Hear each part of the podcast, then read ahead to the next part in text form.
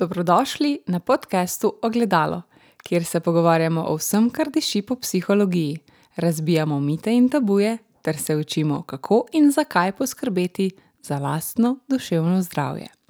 Z vami sem psihologinja Špela Kresnik.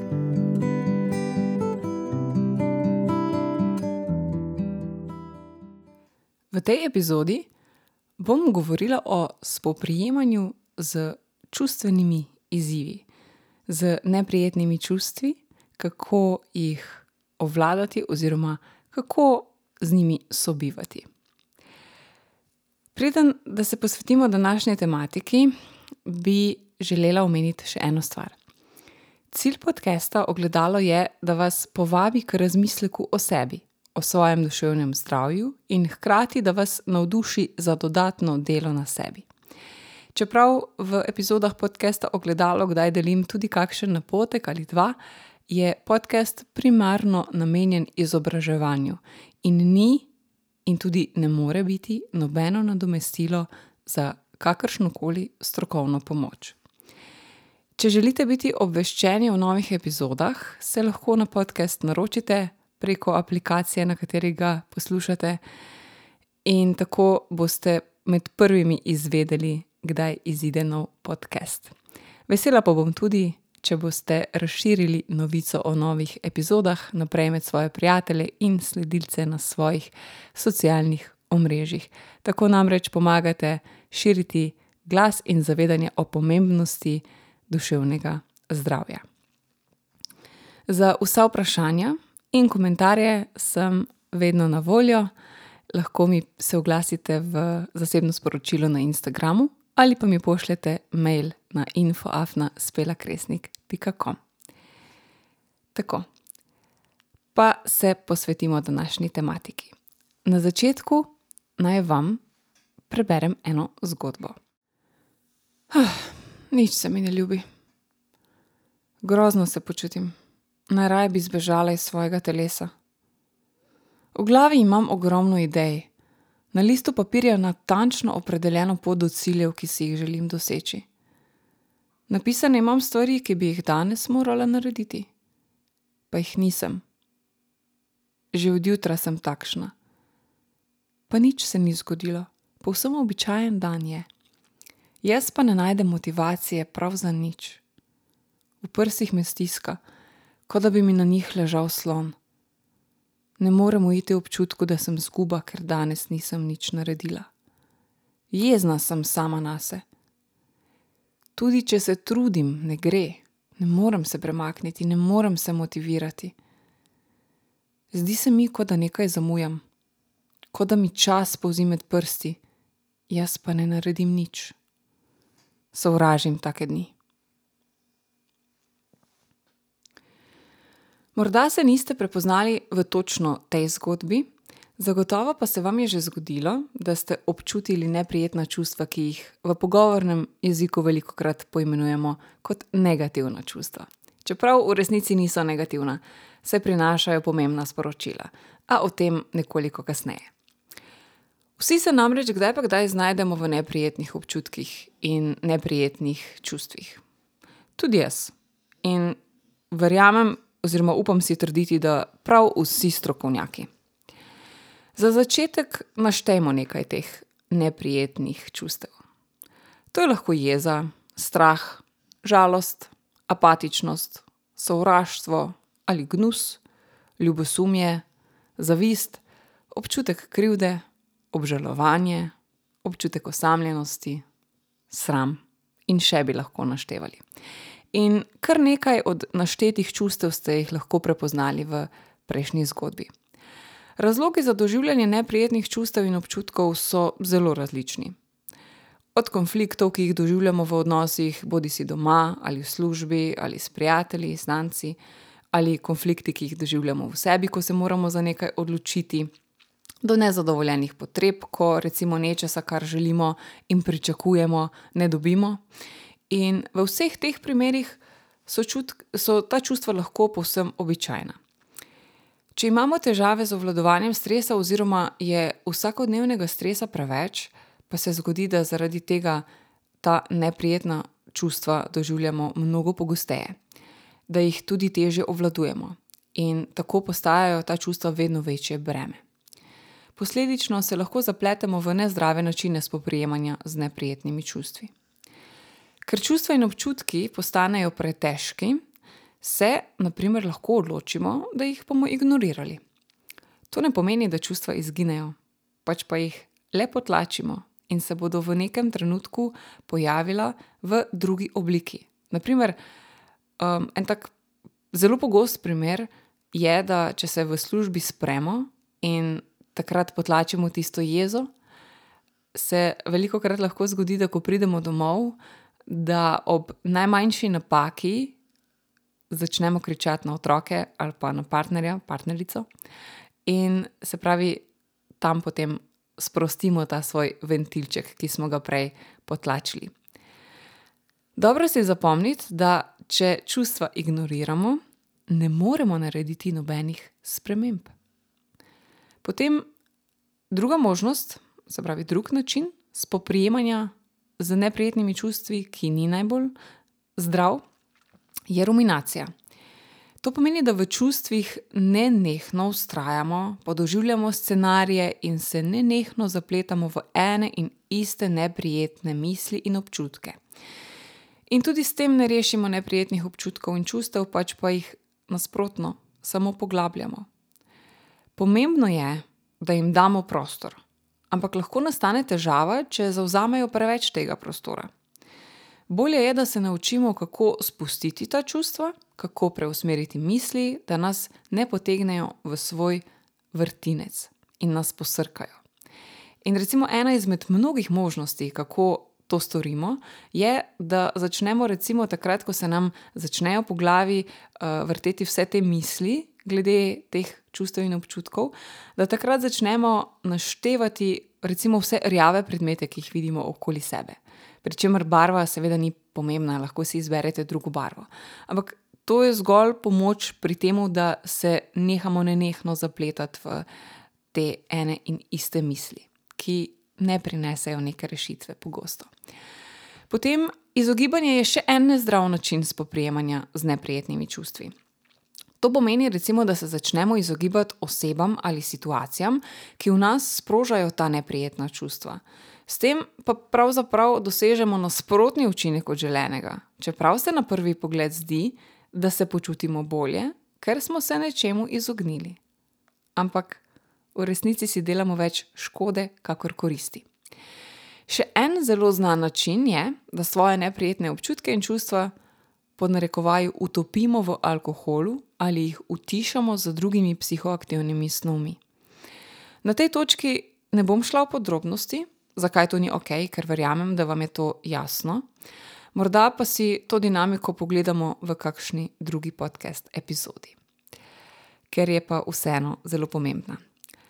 Ok, zdaj torej veste, da je nezdravo soočanje nekaj, kar vam ne prinese koristi. In če kaj od tega počnete, je zdaj ravno pravi trenutek za razmislek o smotrnosti vašega početja.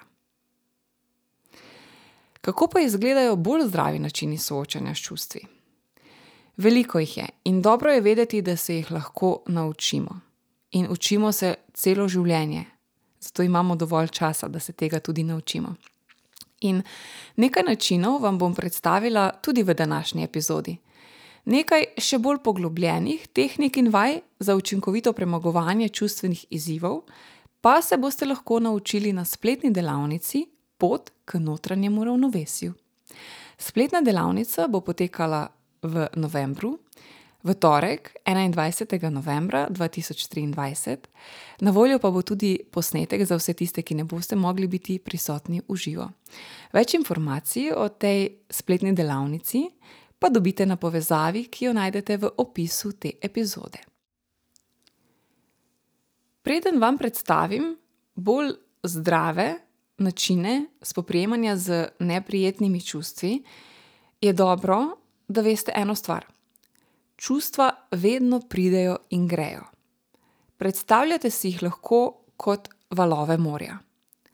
Recimo, če si predstavljate, da sedite na obali in valovi butajo v vas, in poskušate biti zelo, zelo trdni, potem se boste zelo težko upirali tem valovom, oziroma bo na vas voda pritiskala z veliko večjo silo. Kot pa če boste povsem lahkotni in boste prepustili valovom, da vas ponesejo, včasih malo naprej, včasih malo nazaj. In zelo podobno je s čustvi. Če se jim zelo upiramo, bodo z nami oziroma na nas delovala z večjo silo. Če pa se naučimo, kako plavati z njimi, oziroma kako jim dovoliti, da pridejo in da potem tudi grejo, da nas mogoče malo ponesejo, pa je vse skupaj že slišati lažje. Ker glavni namen čustev ni, da bi nas spravljala v neprijetne občutke, ampak da nas spodbudijo k akciji, da nekaj naredimo v zvezi z situacijo, v kateri smo se znač, znašli, oziroma s svojim početjem. Torej, čustva nas vedno aktivirajo. En način soočanja, ki je bolj primeren, je, da čustva najprej razumemo.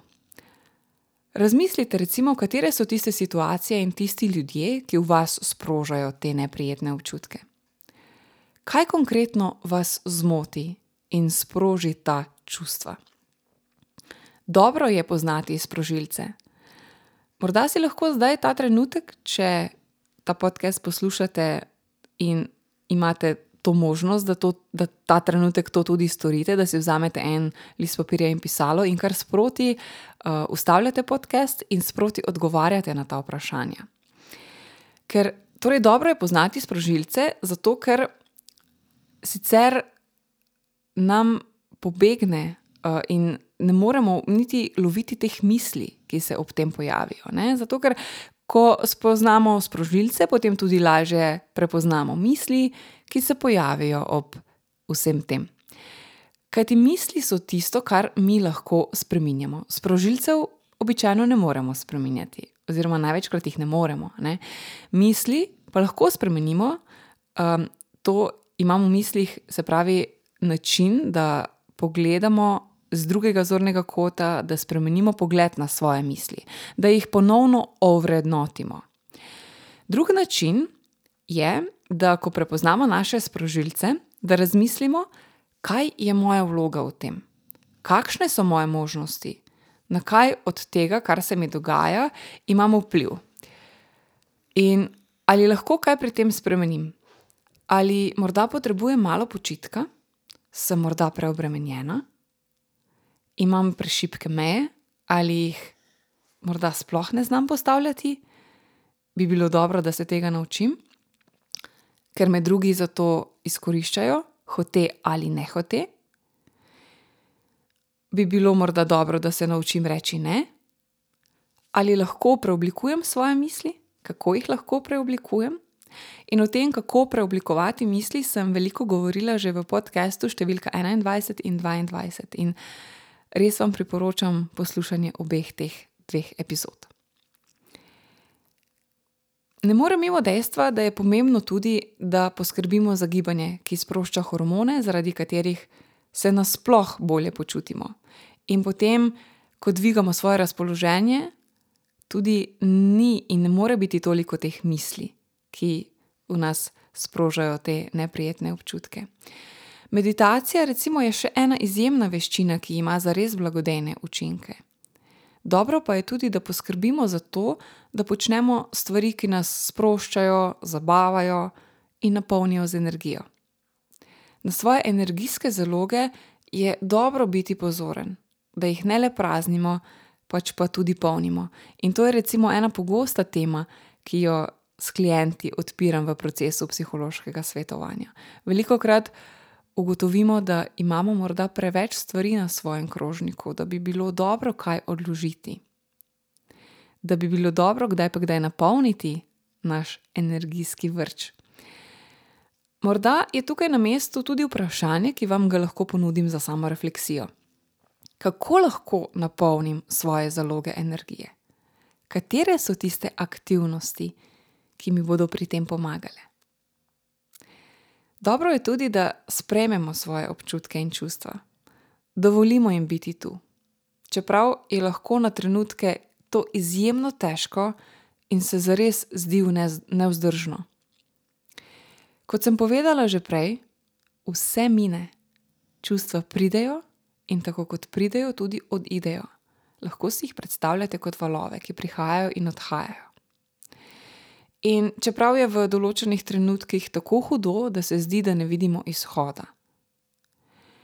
Seveda, če se znajdete v takih trenutkih ali če ste v tem trenutku, ko to poslušate, v nekem temnem obdobju, ki je za vas izjemno težko, je zares nujno, da se o tem z nekom pogovorite. Poiščite podporo, ni nujno, da je ta takoj strokovna.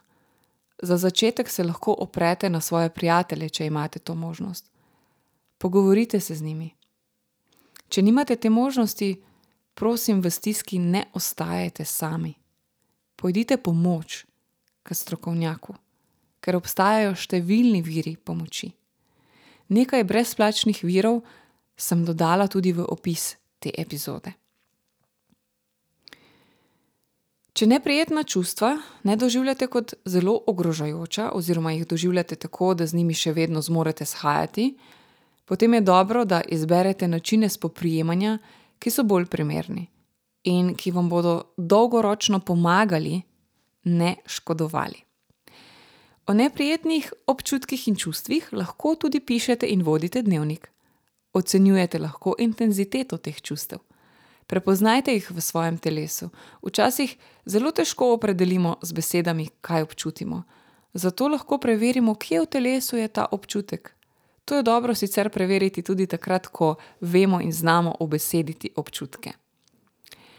To je torej le nekaj načinov, ki vam lahko pomagajo k učinkovitejšemu soočanju s čustvi, oziroma učinkovitejšemu sobivanju, lažjemu sobivanju, če hočete.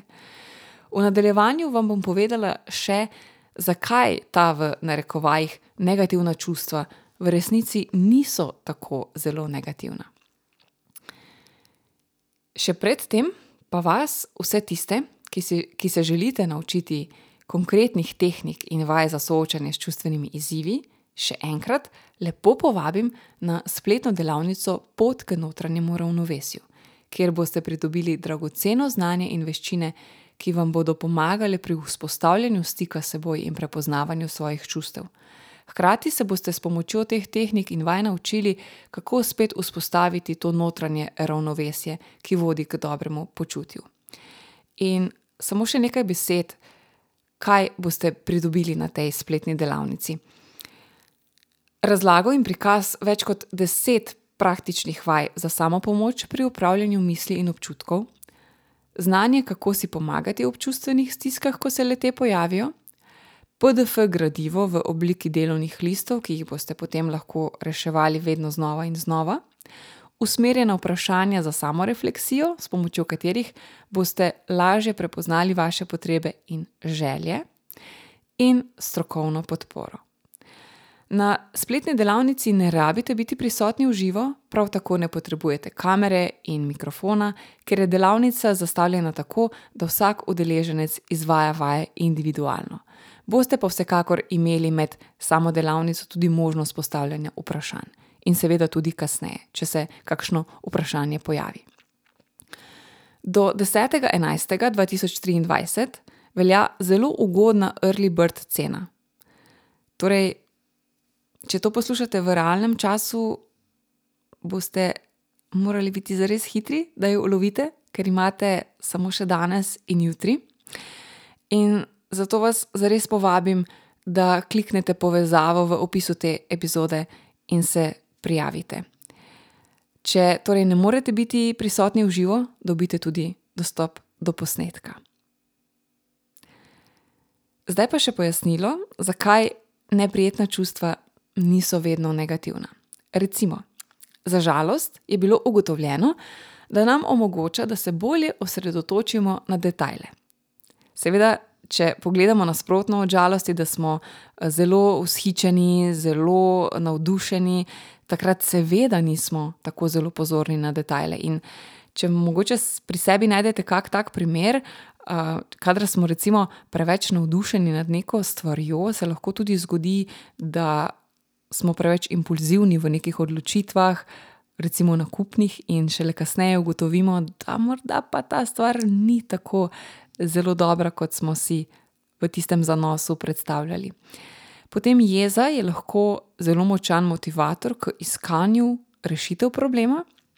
Agresija v psihologiji ne pomeni samo nekaj negativnega, ampak je v bistvu zelo pomembna, zato ker pomeni tudi neko notranjo moč, da človek ne potrebuje toliko spodbud in da se lahko sam nekako motivira za nek cilj.